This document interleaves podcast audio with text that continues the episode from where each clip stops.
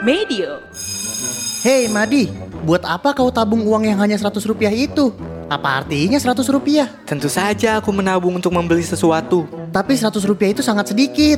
Mau sampai kapan kamu akan menabung? Kamu tidak perlu mengejekku, Ton. Kamu tidak akan mengerti. Kalau kamu kan dapat dengan mudah meminta apa saja pada ayahmu. Siapa di sini yang dulu suka baca majalah Bobo? Nostalgia yuk, bareng cerita-cerita pendek dan dongeng dari majalah Bobo edisi spesial 50 tahun. Dengarkan audio dramanya di podcast Dongeng Pilihan Orang Tua pada aplikasi Noise. Ikuti juga pre-order majalahnya dari 12 hingga 26 September 2023. Cek deskripsi episode ini untuk info selengkapnya.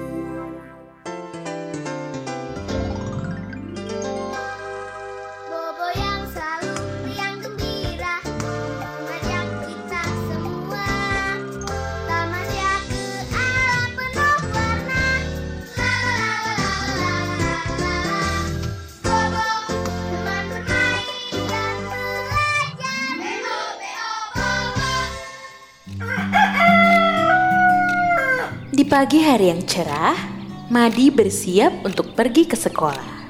Saat ini, Madi duduk di kelas 3 sekolah dasar. Dua tahun lalu, ayahnya meninggal dunia, sehingga tulang punggung keluarga digantikan oleh ibu Madi. Untuk menghidupi Madi dan dua orang adiknya, ibu Madi pun membuka usaha jahit. Setiap harinya, Madi diberi ibu uang sebanyak 100 rupiah untuk naik bus ke sekolah. Madi, ini uang untuk naik bis hari ini ya? Iya, Bu. Madi pergi berangkat sekolah dulu ya. Iya, hati-hati di jalan ya nak. Belajar yang pintar. Madi adalah anak yang hemat. Alih-alih naik bus, Madi justru pergi ke sekolah berjalan kaki. Lalu, untuk apakah uang yang diberikan ibu kepadanya? Wah, ternyata uang tabunganku sudah lumayan banyak. Semoga ketika liburan nanti aku bisa membeli sepeda. Jadi, ibu tidak perlu lagi memberikanku uang untuk naik bus. Ya, rupanya setiap hari Madi menabungkan uangnya. Dari hari ke hari, tabungan Madi semakin bertambah jumlahnya. Madi tentu saja senang sekali. Namun, Tinton, teman sekelasnya yang nakal, mengejek Madi. Hei Madi, buat apa kau tabung uang yang hanya 100 rupiah itu? Apa artinya 100 rupiah? Tentu saja aku menabung untuk membeli sesuatu. Tapi 100 rupiah itu sangat sedikit. Mau sampai kapan kamu akan menabung? Kamu tidak perlu mengejekku, Ton. Kamu tidak akan mengerti. Kalau kamu kan dapat dengan mudah meminta apa saja pada ayahmu. Madi sedih sekali mendengar ucapan Tinton. Madi memang tidak punya uang sebanyak Tinton yang anak orang kaya. Tapi yang penting ia tidak senang mengejek orang seperti Tinton. Sementara itu, Tinton merasa sombong karena bisa mendapatkan semua yang ia inginkan dengan uang ayahnya. Ia tidak sadar bahwa perbuatannya itu sangat buruk. Hingga suatu hari, Pak Guru mengumumkan sebuah perlombaan. Anak-anak, kalian tentu suka menabung bukan? Nah, Bapak ingin memeriksa buku tabungan kalian. Bawalah buku tabungan kalian besok. Siswa yang paling banyak jumlah uangnya akan Bapak berikan hadiah. Wah, asik. Untungnya selama ini aku sudah rajin menabung. Semoga tabunganku jadi yang paling banyak sehingga aku bisa dapat hadiah itu. Aduh, bagaimana ini? Buku tabunganku kosong. Keesokan harinya, anak-anak kelas 3 ramai-ramai membawa buku tabungan mereka. Bapak guru memeriksa satu persatu buku tabungan anak-anak. Tiba-tiba, Pak guru berdiri di samping Tinton dan bertanya. Tinton, mana buku tabunganmu? Hmm, itu pak, saya tidak pernah menabung. Bagaimana kamu bisa tidak pernah menabung, Ton? I- iya pak, saya tidak pernah menyisikan uang saya. Karena kalau ingin membeli sesuatu, saya langsung minta pada ayah pak. Pak guru yang mendengar jawaban Tinton merasa kecewa sekali. Ia lalu mengingatkan kepada seluruh murid kelas 3. Anak-anak, kalian harus belajar menabung. Walaupun orang tua kalian mampu, kalian tetap harus hemat. Kita tak pernah tahu kesulitan apa yang nanti menimpa kita. Dengan menabung, uang yang kita kumpulkan bisa membantu kita loh. Mengerti? Mengerti Pak Guru. Baik, kalau begitu mulai hari ini Tinton harus belajar hemat dan menabung ya. Baik Pak Guru.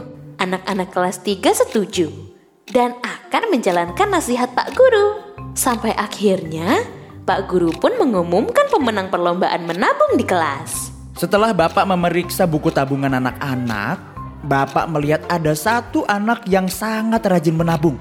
Ia tidak pernah melewatkan satu hari pun untuk tidak menyisihkan uangnya. Meskipun nominal yang ditabung tidak besar, namun kebiasaan menabung ini sangat baik dan perlu kalian contoh. Wah, siapa itu? Rajin sekali ia menabung. Iya, siapa sih orangnya? Pak Guru, siapa orang itu? Anak itu adalah Madi. Anak-anak, Madi selalu menabung setiap hari. Ia tidak pernah melewatkan satu hari pun tanpa menabung. Selamat ya Madi, kamu memenangkan perlombaan ini. Wah, selamat ya Madi. Kamu hebat sekali. Iya Madi, selamat ya. Aku juga ingin rajin menabung seperti kamu. Ya, Madi memenangkan lomba sebab ia rajin menabung. Meskipun hanya 100 rupiah sehari. Madi, ini piala dan sepeda mini untukmu. Semoga sepeda ini bisa kamu gunakan dengan baik ya. Terima kasih banyak Pak Guru. Terima kasih banyak teman-teman. Aku senang sekali bisa memenangkan perlombaan ini. Dengan terharu, Madi menerima hadiah dari Bapak Guru. Lalu, bagaimana dengan Tinton? Oh, dia malu sekali. Sebab dulu ia suka mengejek Madi yang hanya menabung 100 rupiah. Dengan kejadian ini, Tinton menjadi sadar bahwa ia harus mengubah sifatnya yang buruk. Ia ingin rajin menabung dan bersahabat dengan Madi. Madi, maafkan aku yang suka mengejek kamu ya. Mulai hari ini aku akan rajin menabung. Kamu mau kan mengajariku berhemat dan menabung? Iya, tidak apa Ton. Tentu saja aku mau. Semoga apa yang Pak Guru sampaikan di kelas dapat kita jalankan ya.